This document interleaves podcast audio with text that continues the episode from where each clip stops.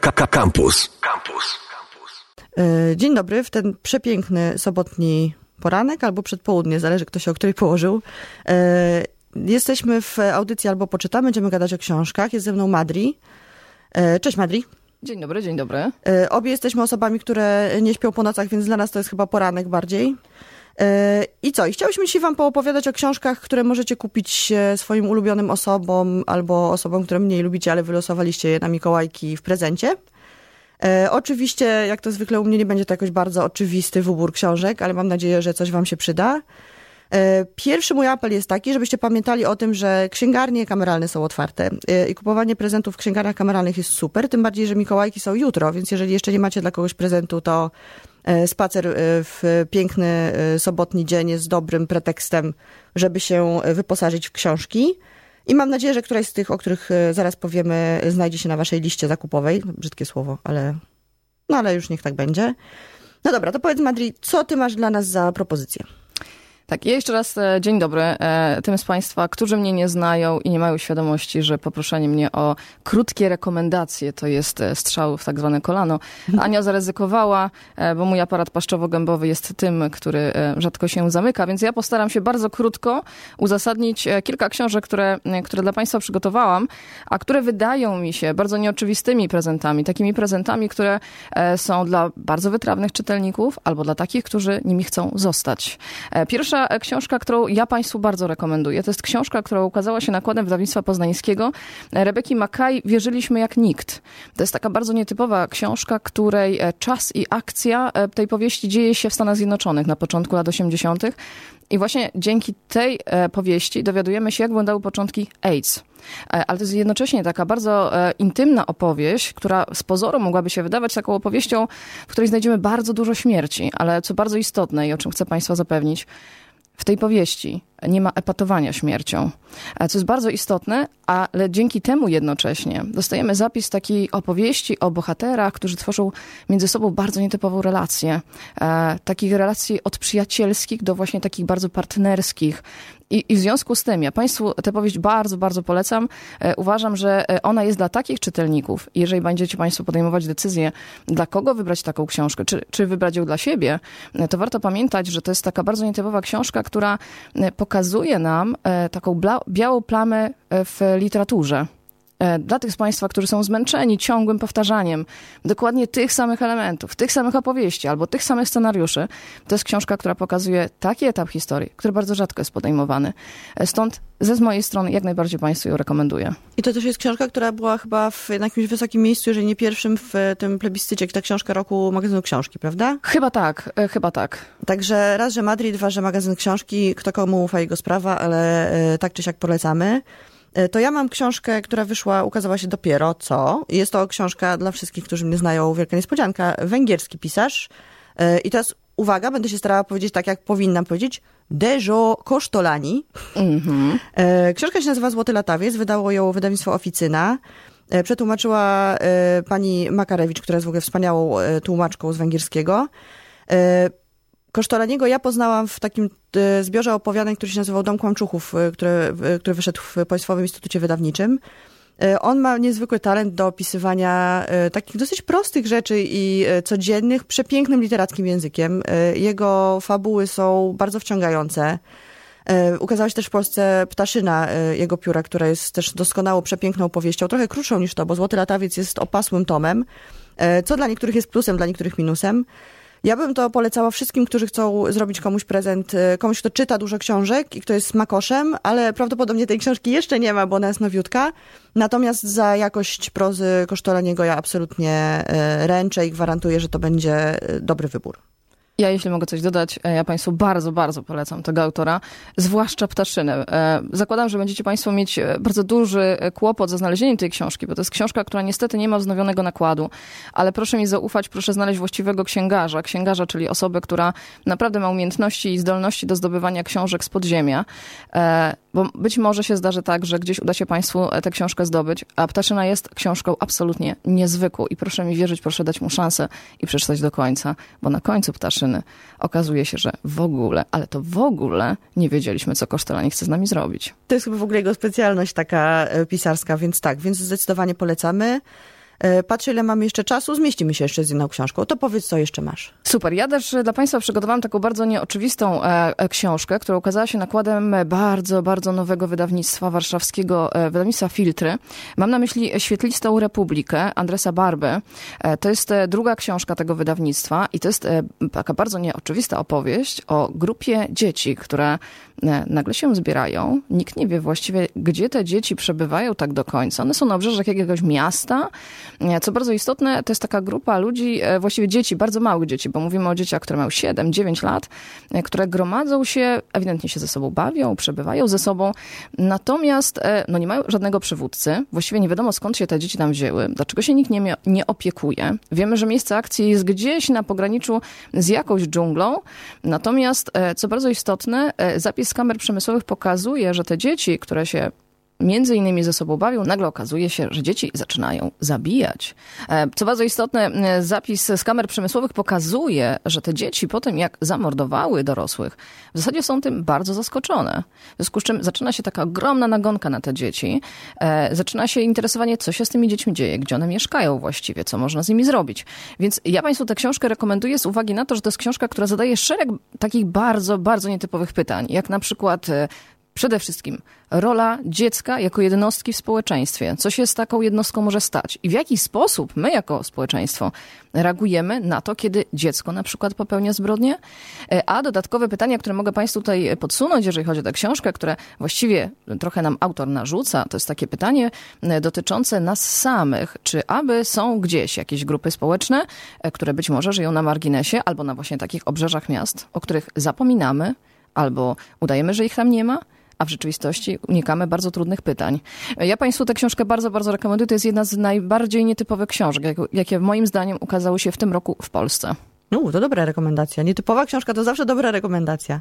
No dobrze, to jak już w polecajkach e, prezentowych na święta miałyśmy AIDS i mordowanie dorosłych przez dzieci, to może ja teraz powiem o e, poezji, żeby tak troszeczkę złagodzić. Poezja zawsze jest, proszę Państwa, dobrym prezentem dla wszystkich, e, na wszystkie okazje, o czym mało osób pamięta. I ja bym chciała zarekomendować taką książkę, która wyszła w 2018 roku, ale jest jeszcze do kupienia, bo poezja nie sprzedaje się na pniu, umówmy się.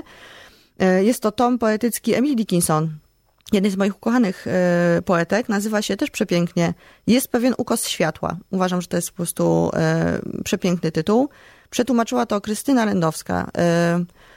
Myślę sobie, że w w ogóle e, kupowanie ludziom poezji e, jest pięknym prezentem, bo daje e, wytchnienie. I nawet jeżeli ktoś nie, nie czyta książek, bo są takie osoby, które czytają tylko od przypadku do przypadku, niestety, jak pokazują badania, takich osób jest sporo, to zawsze ta poezja gdzieś się znajduje w, w takim miejscu, które potrafi tą lukę trochę wypełnić. W sensie to, to nie czytanie wypełnić, e, może nie jakąś taką grubą treścią i, i poświęceniem dużej ilości czasu, możemy po prostu otworzyć sobie książkę i nie wiem, przed śniadaniem przeczytać jeden wiersz i gwarantuję Państwu, że em, dzień tej osoby, która tak zrobi, będzie znacznie lepszy. A podar- podarować komuś lepszy dzień to jest jednak jeden z ładniejszych e, prezentów, jaki możemy zrobić. E, No dobrze, to masz dla nas jeszcze jakieś. A, widzę. Hm. Tak. Następny świąteczny temat.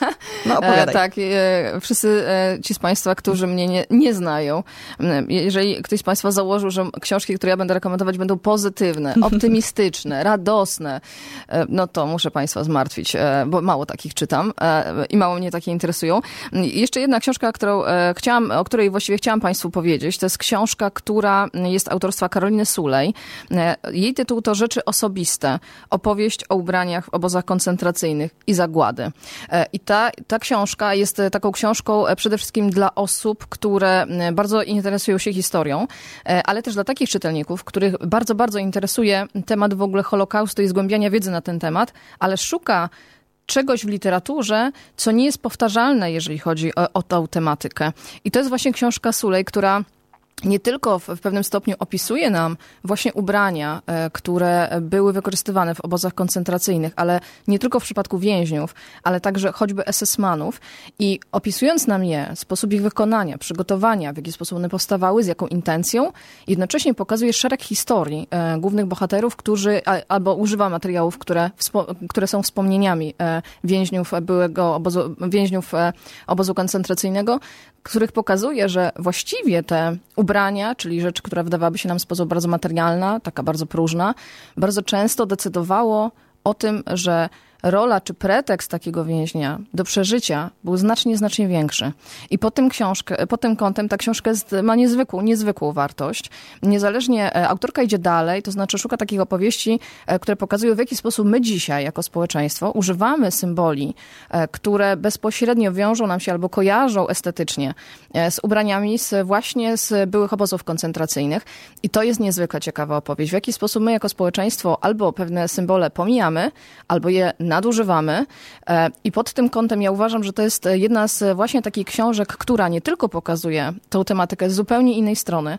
E, autorka znalazła szereg materiałów e, dotyczących właśnie, właśnie ubrań. Taki wydawałoby się z pozoru temat, no właśnie, dosyć próżny, infantylny, a nawet krzywdzący estetycznie, kiedy się o tym słucha, a co dopiero czyta.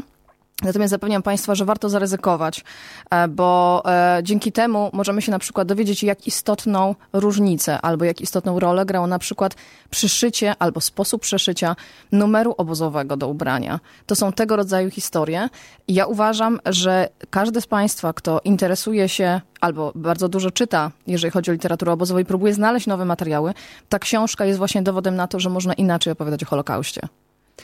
E, tak, no zgadzam się, że książka Karoliny jest absolutnie taką rzeczą, którą należy i warto przeczytać. E, bardzo polecam. E, gadamy sobie o książkach. Madri prowadzi, to takie krótkie wprowadzenie, które powinno być na początku, ale będzie w połowie, prowadzi YouTube książkowy, który się nazywa Madri. Mhm. I bardzo Wam polecam obejrzenie sobie filmów, które ona nagrywa. To jest około 10-16 minut mniej więcej, więc to jest taka pigułka z kilkoma tytułami. Bardzo rzetelne recenzje. To jest taka moja opinia. Polecam tą Alegrowiczkę. E, dobrze, to w takim razie wracamy do poleceń książek prezentowych, bo niekoniecznie pod choinkę, bo każdy sobie obchodzi co lubi. E, I teraz ja wchodzę e, cała na biało z pustostanami Doroty Kotas. To jest debiut. Przed chwilą rozmawiałyśmy, jak nas nie słyszeliście, na szczęście o debiutach polskich prozatorskich. Nie mamy o nich bardzo dobrego mniemania i nie wydaje nam się, że mogłybyśmy tak z rękawa sypać nazwiskami, które są ciekawe i warte przeczytania. Natomiast Pustostany, które wyszły w wydawnictwie Niebieska Studnia, które odrodziło się jak Feniks z popiołów, to jest y, krótka książka, bardzo ciekawa, bardzo ciekawa i formalnie, i bardzo ciekawa treściowo. Y, w moich ustach to jeden z największych komplementów. Mnie się gdzieś w pewnym momencie zaczęło to kojarzyć z Edgarem Keretem, więc to jest y, moim zdaniem taka rekomendacja, którą jeżeli ktoś czytał Kereta, powinien kupić w ciemno.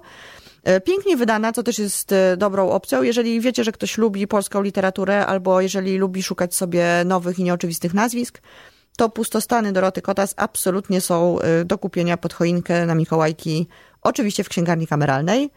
E, no dobra, to teraz Madri. Tak, jeśli ja mogłabym coś jeszcze dodać a propos Doroty Kotas, bo to jest bardzo nietypowa postać i ten debiut jest bardzo nietypowy.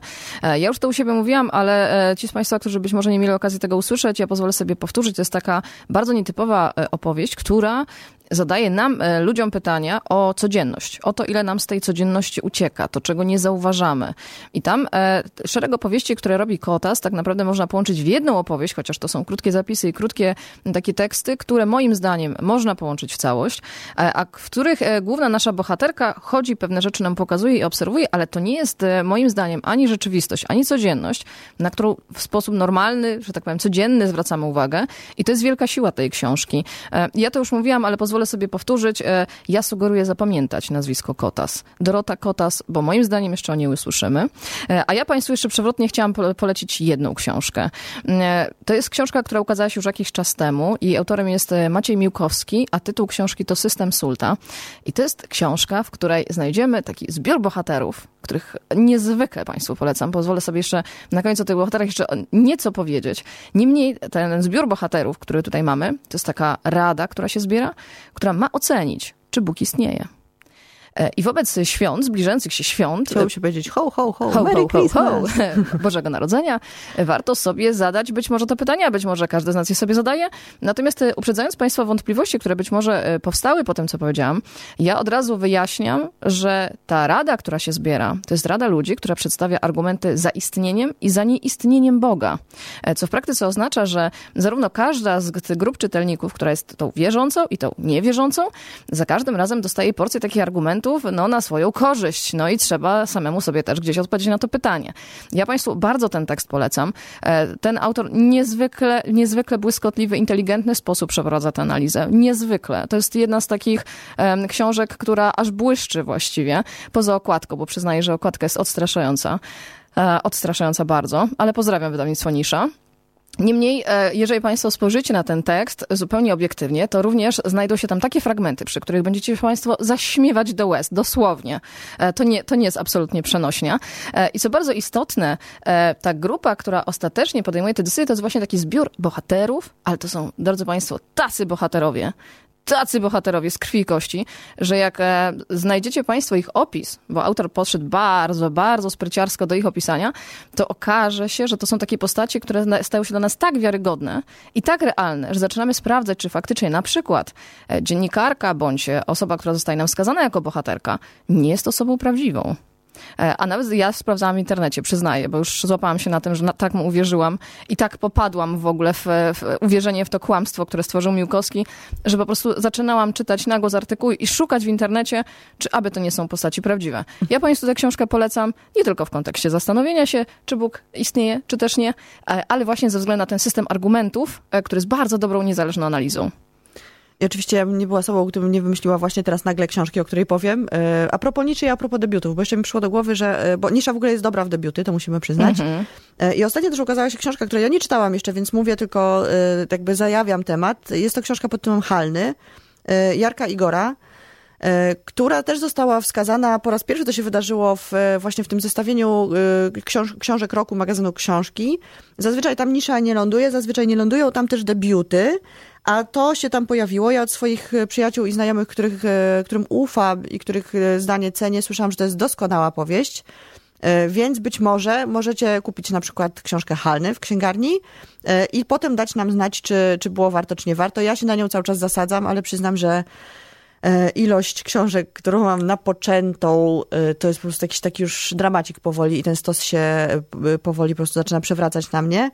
Ale na pewno w ogóle wydawnictwo Nisza warto moim zdaniem e, śledzić po prostu i sprawdzać, czy tam czegoś dla nas nie ma, bo, bo naprawdę celują w wydawaniu no, doskonałych e, książek, nie tylko polskich autorów, ale w sumie głównie polskich tak naprawdę. Tak, pełna zgoda i e, wydaje się, e, patrząc na obraz dzisiejszego rynku wydawniczego w Polsce, że to jest jedno, właściwie jeśli nie jedyne wydawnictwo, które tak intensywnie skupia się na debiutach.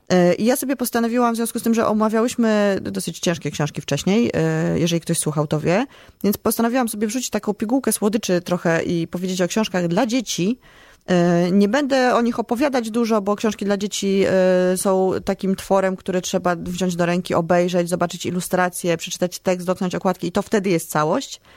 E, ale wspieram się jak zwykle listą polskiej sekcji IBY, takiego stowarzyszenia, które zajmuje się literaturą dziecięcą na świecie. I oni mają książkę roku, ogłosili plebiscyt i z, tej, z tego plebiscytu zaczerpnę. Więc pierwszą książką, e, to jest książka wydana przez dwie siostry, Co robią uczucia, Tiny Oziewicz. To akurat czytałam, widziałam. To jest przepiękna książka, która uczy i dzieci, i dorosłych, e, czym są emocje, jakie są emocje i e, jak możemy je oswoić. Bardzo, bardzo polecam. Druga książka to jest Lato na Rodos Katarzyny Ryrych. Tak sobie zapisałam, mam nadzieję, że nie pomieszałam, bo strasznie bazgrze. Trzecia książka to jest Oczy Michalina, Marcina Szczygielskiego, którego wszystkie książki, wszystkie książki bardzo serdecznie polecam, bo ma niezwykły talent do pisania dla dzieci i młodzieży. Takich książek, że rodzice, jakie czytają, to śmieją się naprawdę w głos. E, jestem tego e, świetnym e, przykładem. I jeszcze jedna rzecz, której, w której się ostatnio zakochała moja córka, to są komiksy o, to jest chyba osioł, nazywa się Ariol.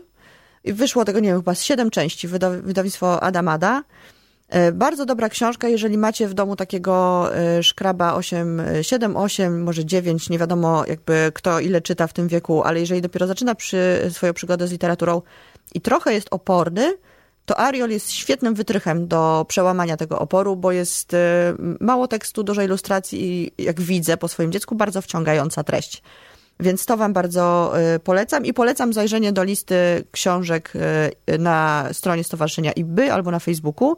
Pisze się i by, by, y, e, bo tam naprawdę podpowiedzi mikołajkowo, prezentowo, urodzinowo, nie wiadomo jakich jest e, cała masa. E, no dobrze, to taka pigułka słodyczy, a teraz powiedz mi, bo zaczęliśmy rozmawiać o tym, że mamy takie książki, które my byśmy chciały dostać na gwiazdkę, więc jako rasowe egotyczki opowiedzmy o tych książkach może. E, jedną z takich książek, o której ja pomyślałam, e, gdybym sobie jej sama nie kupiła, rzecz jasna, ale sobie kupiłam i przeczytałam i, o niej chcę Państwu kilka słów powiedzieć. To jest e, nowa książka Włodka Goldkorna, która nosi tytuł Osioł Mesjasza. Włodek Goldkorn to jest taka bardzo ciekawa postać, to jest emigrant polski, który wyjechał w 68 z Polski do Izraela i w tej książce nam trochę o tym opowiada, to znaczy na ogół znamy relacje, czy, czy mamy publikacje dotyczące samego wyjazdu i 68, właściwie marca 68 1998 roku w Polsce. A to jest jedna z tych opowieści, w których e, dostajemy informacje, co się dzieje i w jaki sposób entuzjazm właściwie Goldkorna e, stał takim e, przed tym nowym wyzwaniem, prawda? Nowe państwo, nowa energia. On miał tyle pomysłów. Tak bardzo się cieszył właściwie z tego tworzenia nowego państwa. I o tym nam opowiada, ale jednocześnie opowiada nam w tej książce o tym, jak, z jakim rozczarowaniem się spotkał, kiedy już był w Izraelu. Mhm. I co się z tym wydarzyło? E, opowiada tutaj, jest masa, masa ciekawych informacji o, o takich znanych postaciach, e, które znamy z mediów, rzecz jasna, e, ale jednocześnie Włodek Goldkorn, który jest dziennikarzem włoskim i który pisze bardzo ciekawe publikacje i zresztą bardzo ciekawe materiały. Jeżeli ktoś z Państwa obserwuje choćby profil autora, może szybko się zorientować, nawet tłumacząc translatorem to, co tam możemy dostać. To są bardzo ciekawe teksty, a ta książka jest taką, mam wrażenie, bardzo intymną. Taką książką, która opowiada o jego myślach, myślach. Ona jest trochę podsumowaniem jego życia, e, ale tu jest masa, masa ciekawych informacji e, i jednocześnie bardzo mi się podoba e, ten jego bunt właśnie. Mhm. Bunt, który nam pokazuje, jak myślał, a jak można było się rozczarować w kontekście jego wartości, w kontekście tego, jak on sobie to wyobrażał, a co ostatecznie zastał. I pod tym kątem uważam, że to jest wielka wartość tej książki, że mogłoby się wydawać, patrząc zupełnie obiektywnie z boku, że mm, no ktoś, kto musiał wyjechać, musiał po prostu się z tą sytuacją pogodzić. A tu mamy zupełnie inny zapis tej historii. I to jest bardzo ciekawe. E, także ja, gdybym, prawda, sobie i sama nie kupiła, e, to ja z chęcią bym Włodka Goldkorna nową książkę dostała pod, e, pod choinkę. Rzecz jasna. A ty, Aniu, cóż byś chciała pod tą choinkę? Ja bym chciała dostać nowe wydanie Zebalda, które ukazuje się w Osolineum, zdaje się. To są mhm. pierścienie Saturna z posłowiem albo przedmową, teraz nie pamiętam, Maćka Płazy. Więc to jest w ogóle jakiś taki cukierek jeszcze z karmelem w środku, w ogóle wspaniałe i szaleństwo dla mnie. E, to w ogóle Zebald jest takim pisarzem, który mnie nigdy nie zawiódł, tak jak Fincher jest reżyserem, który mnie nigdy nie zawiódł. E, jego książki zawsze to jest absolutna intelektualna podróż i przygoda. E, a że jest to nowość, nowość, to jeszcze nie miałam tego w swoich łapkach, więc jeżeli ktoś chciałby zrobić e, mi przyjemność, to bardzo proszę mi kupić e, zebra. Teraz widzę oczami wyobraźni, już to takie stosy książek, które będą zalagiwały tutaj wokół moich drzwi. To się nie wydarzy. I w ogóle, dobra, bo zaczęłyśmy rozmawiać też o tym, jak nas nie słyszeliście, w ogóle jak my wybieramy książki, które kupujemy ludziom w prezencie. Mhm. Bo to jest ciekawe zagadnienie. Czy, czy idziemy właśnie takim tropem, że ja bym to chciała dostać, więc kupię to tobie, co może być, jak wiadomo, mylące. Obawiam się, że niestety większość decyzji jest w ten sposób podejmowana. Znaczy, jeżeli my jako czytelnicy dochodzimy do wniosku, że coś, co przeczytaliśmy jest bardzo dobre albo dobre, albo z czymś nam się kojarzy, e, no i znamy tę postać, czy te, te osoby, dla których chcemy ten prezent e, zrobić, no to nam się wydaje, że ona powinna być zachwycona, zachwycona. Mm, oczywiście my jako czytelnicy, bo to działa, to jest miecz obusieczny, więc mm -hmm. my jako czytelnicy, jak dostajemy na każde święta książki, których w ogóle byśmy nie dotknęli, bo -hmm. takie są, to, to mówimy sobie biblioteka. w duchu, dlaczego, dlaczego ktoś mnie tak ocenił. No tak, Więc e, ja myślę, że w ogóle takim bardzo, bardzo uczciwym stawianiem sprawy, e, bez względu na to, czy to jest, e, jak, jakby to oceniać pod kątem estetycznym, czy, czy moralnym w przypadku każdej rodzin, z rodzin, to mm, u mnie od jakiegoś czasu jest taka praktyka, że my sobie mówimy tak naprawdę, czego oczekujemy, żeby właśnie nie było tego rozczarowania. Ale obawiam się, że no, może być tak, że niestety podejmujemy te decyzje dotyczące kupowania książek innym, kierując się wyłącznie własnym gustem. E, I to myślę, że jest gro, e, przynajmniej tak mi się wydaje. Odradzamy takie działanie tak. zdecydowanie. To, co można doradzić, to po pierwsze, jak, ja po prostu będę powtarzać jak mantrę, iść do księgarni i poradzić się księgarza, bo księgarze naprawdę są w stanie zadać trzy pytania delikwentowi i wiedzieć, co można mu kupić to jest zawsze, znaczy jakby nie jesteśmy w stanie ogarnąć całego rynku mm -hmm. książki, a oni dużą, w dużej mierze go ogarniają. Więc zawsze pytanie księgarza jest dobrym pomysłem. I zawsze dobrym pomysłem jest jednak wejście w buty tej drugiej osoby Czyli zastanowienie się, ok, może na przykład to jest osoba, która bardzo interesuje się futbolem, no to y, lekcje futbolu, tak? Albo, na, na przykład książkę. Albo jest to osoba, która y, uprawia permanentnie mansplaining i nie rozumie, o co chodzi w feminizmie. Kupmy mu jakąś książkę, która w łagodny sposób w ten feminizm go wprowadzi, ale go nie zirytuje, bo to są książki, które są kupowane wbrew y, gustowi, też są absolutnie złym prezentem. Więc dobrze jest po prostu zastanowić się, co tak naprawdę ta osoba lubi i nie próbować jej narzucać swojego gustu. To też jest moim zdaniem y, kluczowe. Czyli jak ktoś czyta Mroza i lubi Mroza, to na litość boską nie kupujmy mu właśnie Zebalda albo Borgesa, bo to jest bez sensu. Kupmy mu coś, co sprawi mu po prostu przyjemność. Tak, ja bym dodała do tego, że właściwie nadrzędnym e, kryterium powinna stać się rozmowa. Ja ją rekomenduję. E, to znaczy, jeżeli chcemy komuś zrobić prezent i to ma być książka, to ma być jakikolwiek tekst do czytania i nie chcemy zawieść tej osoby, i na końcu być sami zawiedzeni, no bo to przecież my będziemy tymi, którzy dali prezent, który się nie sprawdził, e, to ja proponuję no, porozmawiać z tą osobą, że zwyczajnie w świecie chcemy jej kupić tę książkę. E, bardzo często, e, tak przynajmniej z mojego doświadczenia wynika, każdy z nas ma taką listę książek, które, którą chciałby przeczytać, ale na przykład wchodzi do, na stronę wydawnictwa albo księgarni i widzi jej zaporową cenę, bo to jest na przykład album, albo to jest powieść, która ma tysiąc stron. Ja mam takie trzy książki na swojej liście od, od wielu miesięcy. I widzimy zabójczą jakąś taką kwotę, w której mówimy sobie, no nie dość, że tysiąc stron, kiedy ja to przeczytam, w dodatku jest taka kwota, to może kiedyś, może będzie promocja, może mi się trafi w księgarni. A właśnie to jest idealna książka, idealny moment, żeby komuś taki prezent zrobić. E, więc jeżeli porozmawiamy, to znaczy uzyskamy od tej drugiej osoby, od tej drugiej strony informację pod tytułem no jest taka książka, wiesz, no i kosztuje sześć dych, no ale tak, no i zawsze mi szkoda, tak trochę gdzieś tam gniecie mnie w środku, no wydać te sześć dych, no nie wiem, czy przeczytam. No to właśnie to jest idealny moment, bo z jednej strony to nie jest zbyt duża kwota, żeby komuś zrobić prezent, a ta osoba, która bardzo by chciała tę książkę przeczytać, nawet jeśli będzie rozczarowana, i tak będzie uszczęśliwiona, że ktoś dokonał właśnie tego wyboru. Więc, e, drodzy Państwo, to, co ja ze swojej strony rekomenduję, to zawsze, zawsze komunikacja, rozmowa z drugim człowiekiem, bo to zawsze dobrze działa na wszystko. W ogóle na święta w tym roku e, dobrze jest dać drugiemu człowiekowi po prostu trochę uwagi, zrozumienia i wysłuchania go. I książki. I książki. No dobrze, to w takim razie my już e, kończymy, żegnamy się e, z wami i polecamy spacer do księgarni. Też. Ja oczywiście ze swojej strony też Państwu życzę bardzo dobrych, jeśli nie dobrych wyborów, jeżeli chodzi o teksty do czytania. Mam nadzieję, że znajdą Państwo takie lektury, które Państwa w żaden sposób nie zawiodą. Pozdrawiam serdecznie. Słuchaj Radio Campus, gdziekolwiek jesteś. Wejdź na www.radiocampus.fm.